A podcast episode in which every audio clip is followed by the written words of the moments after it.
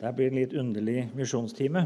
Men eh, vi sang denne sangen litt tidligere på denne sommersamlinga. Og eh, så tenkte jeg skal fortelle litt først, før vi leser en tekst, om den sangen. Den har en underlig bakgrunn. Skrevet i 1870 er det Lina Sandell.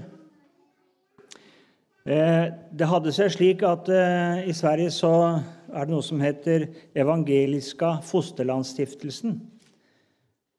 Karl Olof Rosenius var en av de som var med i ledelsen for det. Også når de vedtok på begynnelsen av 60-tallet å starte ytremisjonsarbeid. Og i 1865 så sendte de ut de tre første misjonærer som skulle inn i Etiopia. En reiste først. Han skulle innom Egypt, han skulle lære seg arabisk. Og, og først da, i 1866, så kommer de fram. Eh, og ikke helt der de hadde tenkt seg. De var ikke så godt kjent. Det var ingen som hadde vært der før. Og, eh, og eh, det kommer tre nye til året etterpå, 1867. Og så kommer det ni. Syv menn og to kvinner, to som skulle gifte seg med to av disse som hadde allerede reist ut da i 1869. Det året, 1869, de har nesten ikke kommet i gang med noe som helst. Én må reise hjem, han har blitt syk. To dør av sykdom. To myrdes. Det er masse uro. Og i 1870, det året som Lina Sandel denne, skriver denne sangen, så må alle gjøre vennereis. 13 mannlige misjonærer, to kvinnelige, som må gjøre vennereis ja, to, fire ligger igjen døde. Og en har allerede reist helt hjem til Sverige. De reiser ut til kysten i Øst-Afrika der og tenker de må jo gjøre noe. Og så skriver Lina Sandell denne sangen her.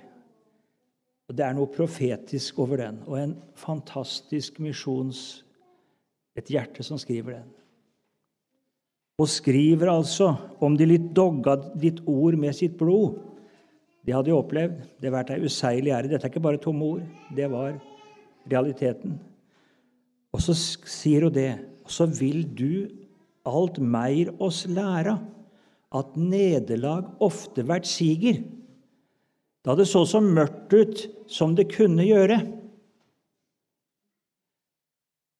De forsøkte i åra som gikk. De arbeidet der ute i Øst-Afrika blant, blant eh, slaver som var blitt tatt inne og blitt ført ut for å selges av arabiske eh, slavekjøpere.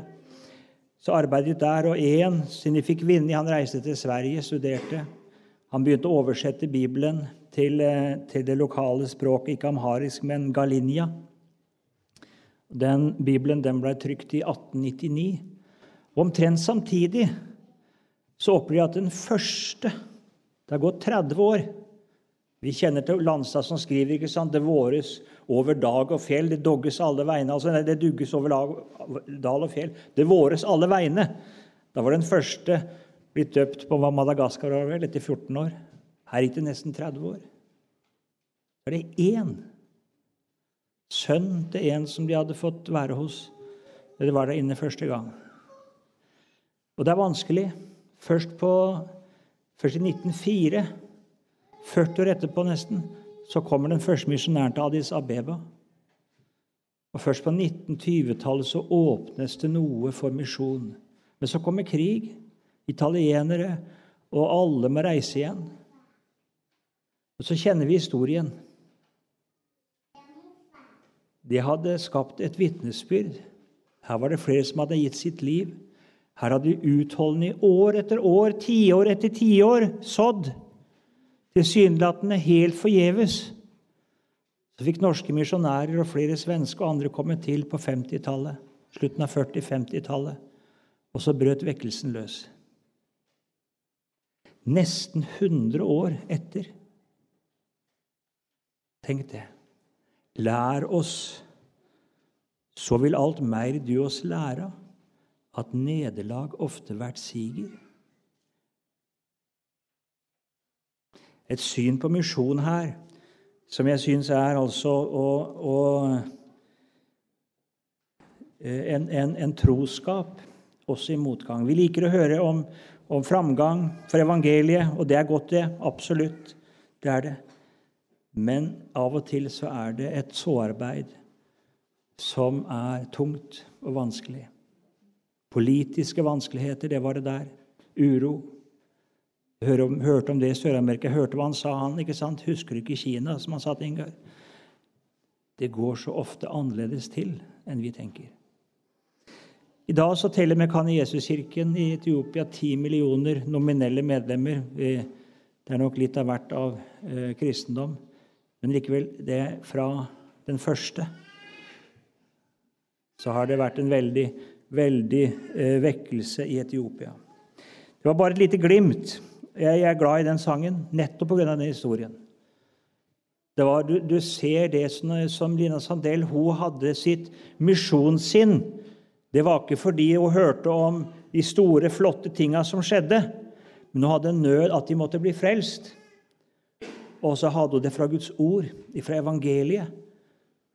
Og når du hørte da om det som skjedde, misjonærer som døde, om tilbakegang og vanskeligheter, så skriver du 'du lova' i villmarka i vår. Du lova det. Og ber om troskap og ber om å lære det, at nederlag blir seier, og holder fast på det. Og det gjorde de. Ikke bare Lina Sandel, men det gjorde de i EFS. Og i BV, som brøt ut fra EFS på 1911, så, som fortsatte også der, så gjorde de det. De var tro, og så fikk de høste i sin tid. I sin tid. Vi skal be. Ja, himmelske Far, vi ber at vi må eie det samme sinn. den samme troskap. Vi ber oss om det for vårt folk. Du ser den nød vi er i. Og du ser hvor tung denne mark er.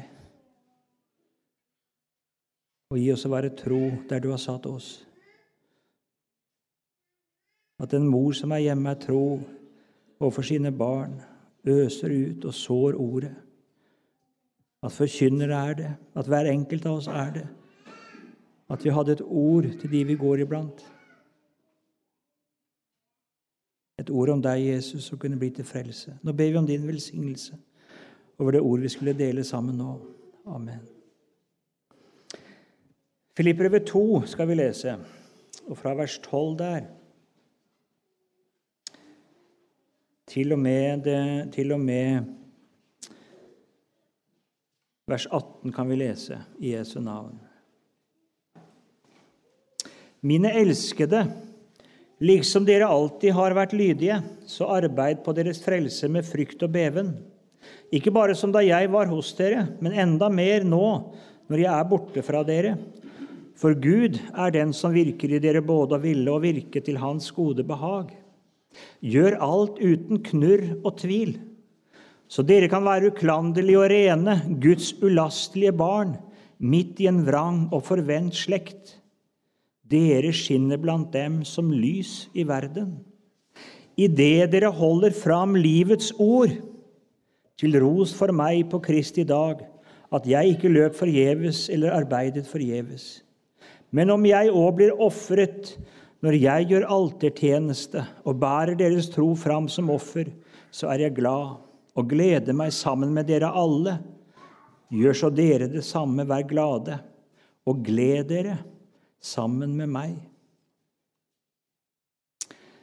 Som dere skjønner av teksten, så har jeg ikke tenkt å snakke mer om ytre misjon, men om misjon der du og jeg lever, i vårt eget hverdagsliv. Blant familie, naboer, klassekamerater og venner, arbeidskollegaer. Indremisjon, hverdagsmisjon. Du som hører Jesus til, du er frelst. Frelst fra selvlivet ditt, frelst fra trelldommen under synden, kjødet, verden, tidsånden, som vi har hørt om.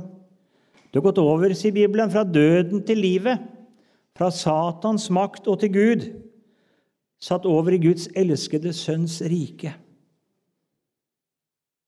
Og Hvis vi leser i Bibelen, så tales det om dette riket. At det er et rike som har det i seg at det skal erobre. Det står om Jesus i Salme 2 at han skal knuse fienden ikke sant, som med, med jernstav, som pott, pott, pott ja, eller kar.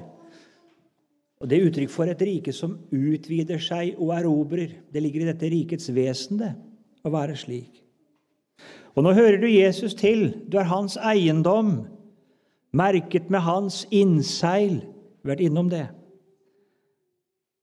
For det første så ligger det i det han vil ta seg av deg. Du skal få høre han til. Han vil være, bære ansvaret for deg her i livet og på dommens dag. Og Kan du tenke deg noe større enn det? Tenk å ha en slik herre.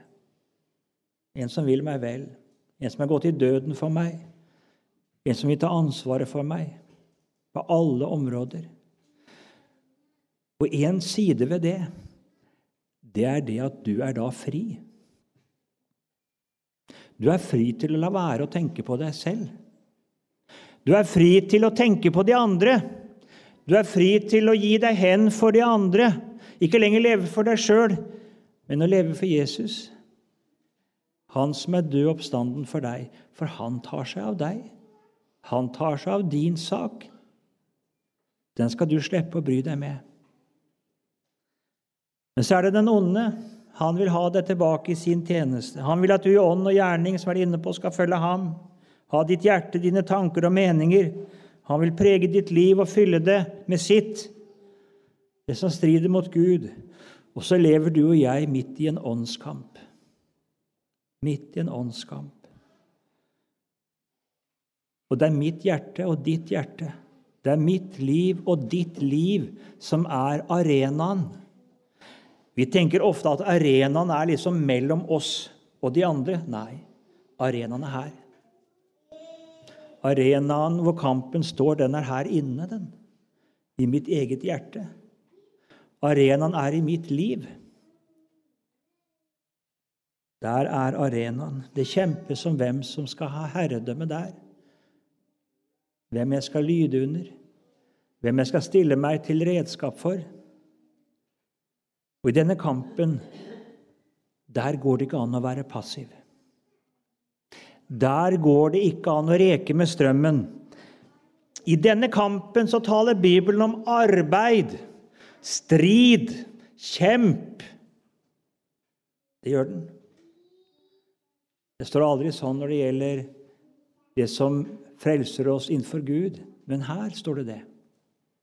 Vi leste det her. Arbeid på deres frelse med frykt og beven. Ikke et arbeid for å fortjene frelsen, ikke et arbeid for å, å, å bli en god kristen. Nei, det er ikke det. Men det er i den åndskampen jeg står for å bli bevart, den kampen jeg har mot kjød og verden, Kampen for å stille seg til rådighet for Jesus og Guds ånd i hverdagslivet. Og det er en kamp. For det onde, det ligger deg og meg for hånden. Det uttrykket bruker apostelen.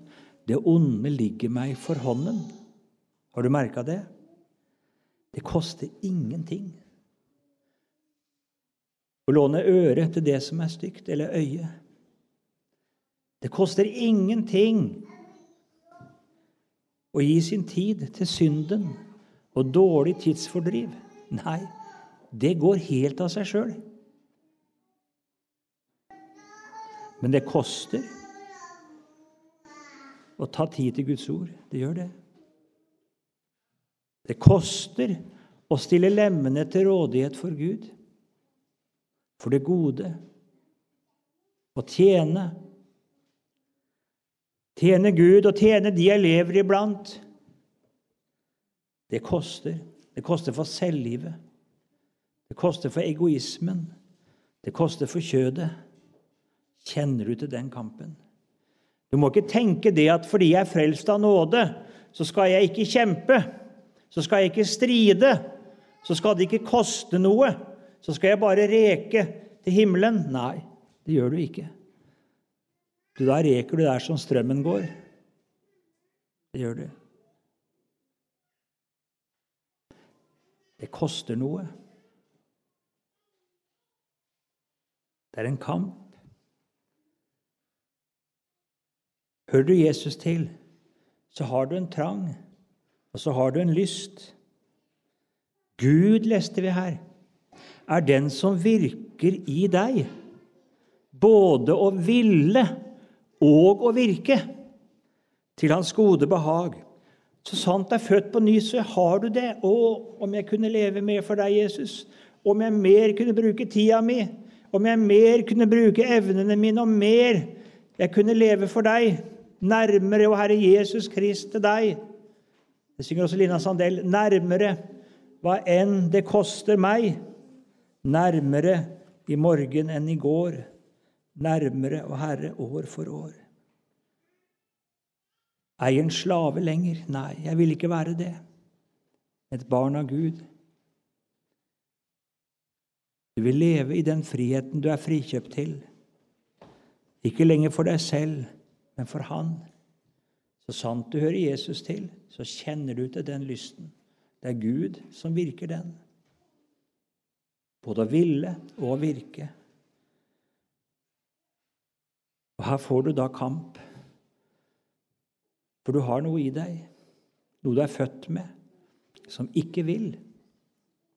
Forferdelig. Som vil det onde, som vil leve for seg selv, som vil bruke tida akkurat sånn som det passer meg. Bruke pengene sånn som det passer meg.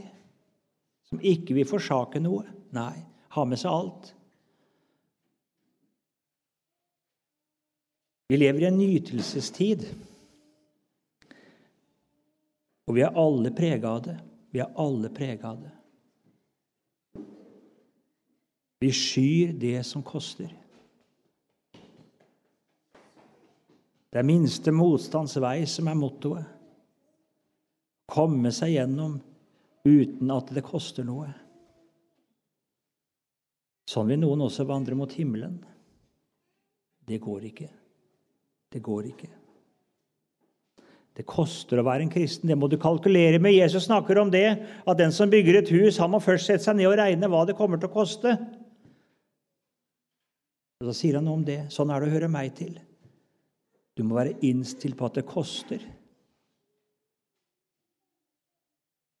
Det følger omkostninger med.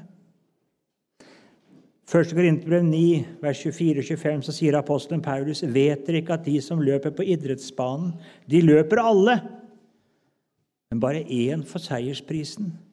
Løp da slik at dere kan vinne den. Enhver som deltar i idrettstevling, er avholdende i alt. De altså, for å vinne en forgjengelig krans, men vi en uforgjengelig. Jeg må si jeg er imponert over mange idrettsfolk. Og de har en sånn orden og struktur. De står tidlig opp om morgenen. Ikke for å lese i Bibelen og ha en stille stund. Nei, de skal opp, og så skal de trene. All slags vær. Ikke bare når de har lyst, men også når det virkelig koster. Og skal de det, så må de legge seg tidlig om kvelden. De kan ikke være med på det de andre er med, for nei, de må til sengs. De må ha søvn og ha hvile. De kan ikke være med på det som andre venner gjør. Det må de avholde seg fra. Det kan de ikke gi seg selv lov til, for de har et mål. Og det vil de nå. Det er noe som er større og viktigere for dem, og så må alt annet vike for det ene. Det er det apostelen taler om her. Du, du har et mål som er så mye større må du legge deg tidlig, så du kan stå tidlig opp for å lese Guds ord. Må du si nei til noe som andre gjør. Vi hørte om å rive ut øyet og hogge av seg armen. Ja, du må leve amputert, skal du til himmelen. Du kan ikke ta del i det som denne verden tar del i. Du må avskjære deg fra det. Jeg kan ikke se på det. Jeg kan ikke ta del i det. Jeg skal til himmelen. Gjør alt uten knurr og tvil, sier apostelen. Han var nok ikke fremmed for det at det var noen som protesterte når det ble snakk om dette her. Nei. Sånn var det når israelsfolket gikk ut av Egypt. Når det ble vanskelig Nei, det, de, det hadde de ikke tenkt. Nei, skulle ikke Gud være med? Nei, da begynte de å knurre. Hvorfor har du ført oss hit, Moses? Det var ikke dette vi tenkte, at det skulle være sånn. Nei, nei, da vil vi tilbake. Da vil vi tilbake til Egypt igjen. Og ha alt det som vi hadde der. Nå får vi ikke noe av det.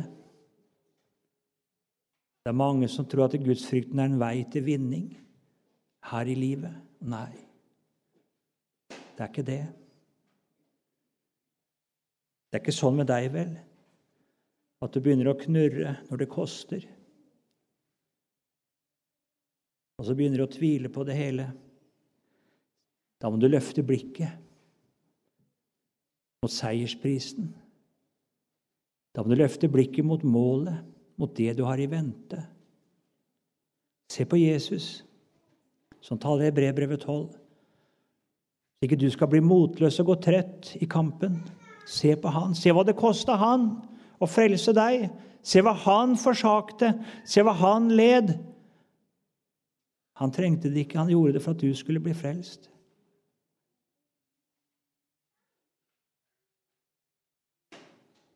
Se hva han måtte motstå fra syndere så ikke du skal gå trøtt og bli motløs i kampen. Du er frelst fra synden, fra kjødet, fra verden, for å leve et nytt liv, et himmelliv her på jorden. Et liv som vitner om ham du hører til, med hans preg, med hans lys. Så sier Bibelen, still lemmene, sinnet ditt, tida di, alt det du har, still det til rådighet for ham. Du er hans. Han er din. Men la alt være til ære for ham. Uklanderlige og rene, står det her. Guds ulastelige barn, midt i en vrang og villfaren slekt. Dere skinner blant dem som lys i verden. Du, det er du kalt til. Å leve som et himmellys midt i denne verdens mørke. En vandring i sannhet, i renhet. Du kan tenke på Josef. Han ble solgt av brødrene til Egypt. Han kunne jo sitte der nede og skjelle og smelle ikke sant, og bli bitter og sur og sint og vrang. Å nei. Han gikk der. Så sann og så ærlig og så ren. Det ble merka, det. Han var hjemme hos Potifar. Han fikk så tillit til han, han overlot han alt. Og selv når han ble forrådt av Potifars hustru og havna i et dypt fangehull Ja, det var den samme. Rene, sanne. Han skinte som lys der han gikk. Du leser om han, så er det som du leser om Jesus. En som virkelig hadde Jesus skikkelse og Jesus sinn. Det merkes, det. Et vitnesbyrd, et liv som lyste. Det er du kalt til. Det kan du leve hjemme. Du bør ikke være misjonær for å leve det livet. Nei, det kan du gjøre som barn hjemme. Det kan du gjøre i klasserommet. Det kan du gjøre på arbeidsplassen, blant kollegaer. Det kan du gjøre i nabolaget. Det er ikke merkverdige ting du skal finne på. Du skal leve i sannhet, i ærlighet, i redelighet, i godhet, trofasthet. Skinner som lys i verden. Gjør du det? Gjør du det? Da kan du ikke le av alt det som sies.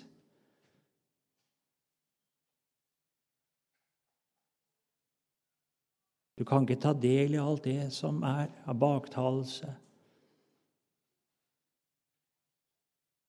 Nei, du må tale annerledes.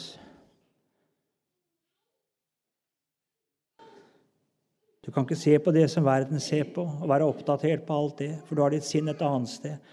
Det vil også verden merke, og den undre seg.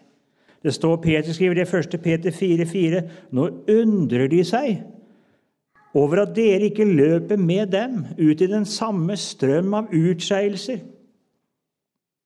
Og derfor spotter de dere. Det må du regne med. Å, du må regne med spott. Og bli gjort narr av fordi ikke du kan være med. Fordi ikke du tar del i det, og ikke har de samme interesser og ikke løper på det samme. Du må regne med det. Det er noen som tror det, at vi skal vinne verden ved å være der verden er. Det er mange som har den strategien. Så gjelder det å være med i idrettslaget lokalt. Det gjelder å være med i, i det og det og møte verdens mennesker, for så kan det være et vitnesbyrd. Engasjere meg i de lokale ting. Og så må jeg følge med på hva verden ser på av film, så jeg kan snakke med dem. Kanskje jeg kan bruke det som en mulighet. Det er jo kanskje en film, kanskje noe der. Det er noen som holder på med det. Nå skal jeg vinne verden, ha det som plattform. Tenk ikke sånn. Tenk ikke sånn. Verden undret seg over de første kristne, at ikke de var der hvor de var. At ikke de løp med dem. De hadde et annet mål, og så gikk de en annen vei. Og så undret de seg hvorfor er ikke dere som oss? Hvorfor har ikke dere den interesse? Hvorfor vil dere ikke være der? Hvorfor går dere et annet sted? Og samles dere. Det kom en journalist for noen år siden. Ringte. Lurte på kunne få en prat. Han så det var så mye møter på bedehuset hjemme. og Han lurte på hva er det som er som at de må samles så ofte der. Helt fremmed. Han har lagt merke til at det bedehuset var det møter nesten hele tida. Hva er det som er så viktig? Ja, verden kan undres over det. Det var bedre den undres over det Enten at hun så deg og meg alle de steder hvor de var. Den vil undres over det også. Jeg husker Da jeg gikk på gymnaset, så kom noen og sa til meg det at 'Hvorfor er ikke du med der som vi er?' Nei, så jeg kan ikke det. Jeg skal til himmelen. Jeg kan ikke være med på det som dere gjør. Nei, jeg skjønner ikke noe, sa de. Jeg har ikke noe respekt. Vi har mye mer respekt for de som er med oss, som også bare er mange kristne som er der som vi er. Ja vel, sa jeg. Jeg kan ikke det. Så kom våren. Det var russeåret, dette her. sånn. Så kom de til meg. Så sa de det. Det vi sa til deg i høst, det er ikke sant. Vi forstår ikke at noen som kaller seg kristne, kan være der som vi er. Det forstår vi ikke at det går an. Men de vil gjerne ha deg der. Så de kan døyve sin dårlige samvittighet, så vil de ha deg der. Det vil de. Nei, gjør vel. Vandre i sannhet, i renhet, i troskap og hjertets uskyld som Josef. Så skal du erfare at det er et vitnesbyrd i seg selv. Det drar verden mer enn verdens likhet. Det er ikke verden som drar. Det er ikke verden som dras mot en kristen når en kristen er der som verden er.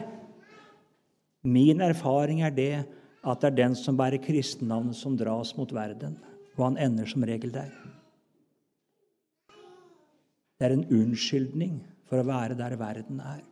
Fordi en egentlig har sitt hjerte der. Og så er, så er det mer enn enn en noe som skal legitimere det, at han skal vinne verden.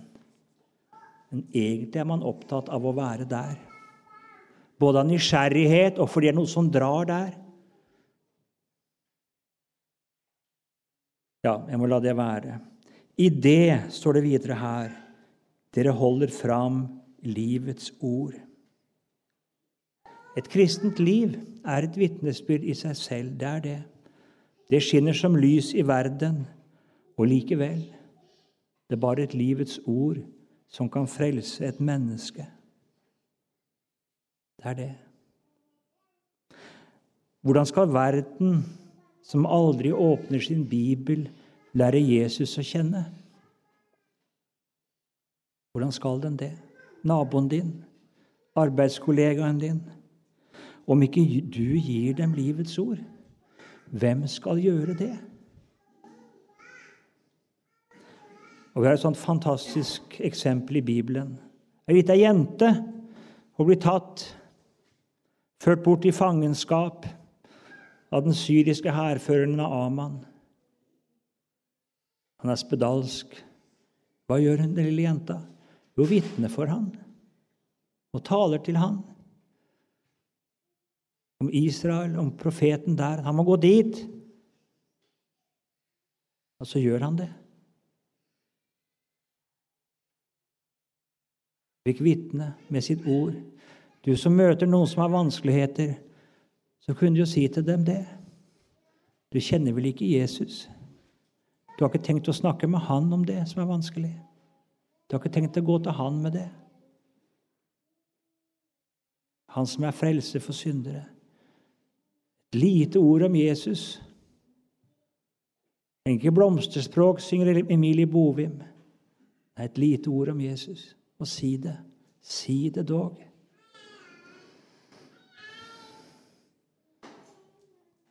Det er ikke bare predikanter og misjonærer som skal rekke Guds ord til verden. Det skal vi alle gjøre. Det var det som pinsedagens åndsmeddelelse ga uttrykk for. At alle troende, menn og kvinner, unge og gamle, skulle tale profetisk. Alle skulle vitne. Alle, hver og en. Kongelig presteskap. Forkynne hans dyder skulle vi gjøre, alle sammen. Han som har kalt oss fra mørket til sitt underfulle lys. Her svikter vi i dag, mer, tror jeg, enn noen gang i historien. Vi lever for oss selv. Vi dyrker våre interesser og våre hobbyer, vårt hjem og vår hage, vår familie og vennekrets som vi samler rundt oss. Det er ikke noe galt med det, men hva med naboen? Hva med arbeidskollegaen? Hva med de utenfor min nære krets? Hva med alle de jeg møter gjennom mitt hverdagsliv? Jeg sitter på et fly, på et tog, og jeg er så lett opptatt med mitt og meg og mitt. Hvem skal si det med et ord om Jesus?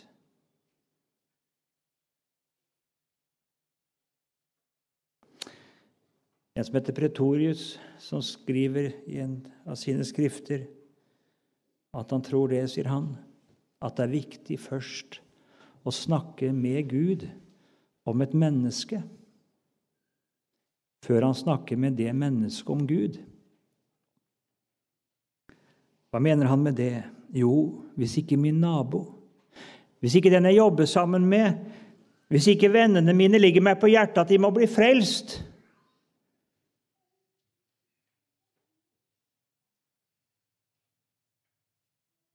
Slik at det er det som er drivkraften for å tale med Gud, tale til dem om Gud. Så mangles det noe vesentlig.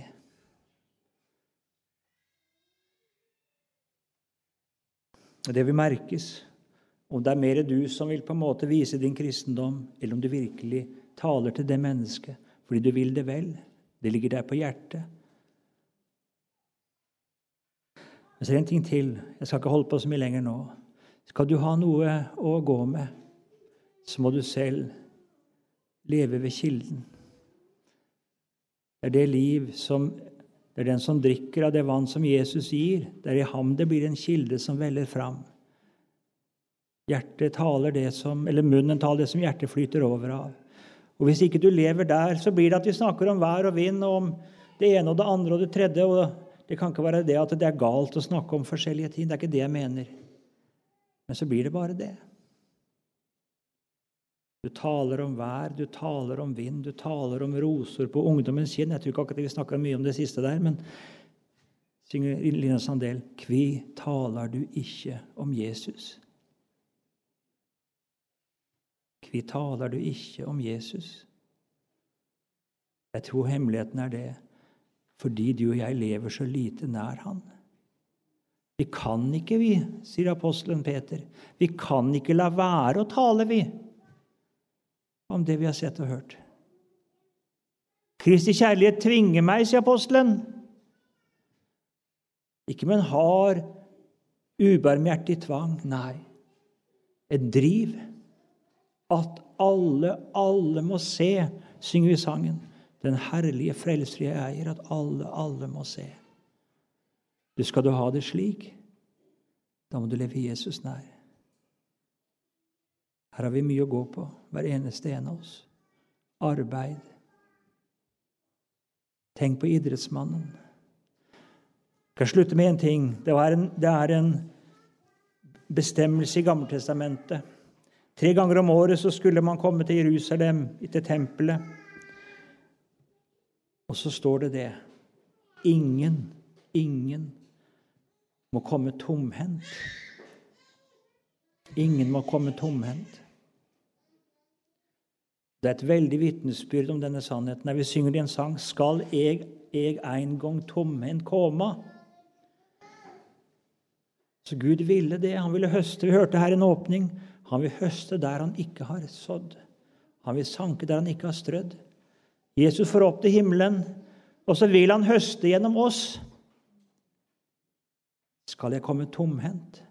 Ingen nek til han får bæra.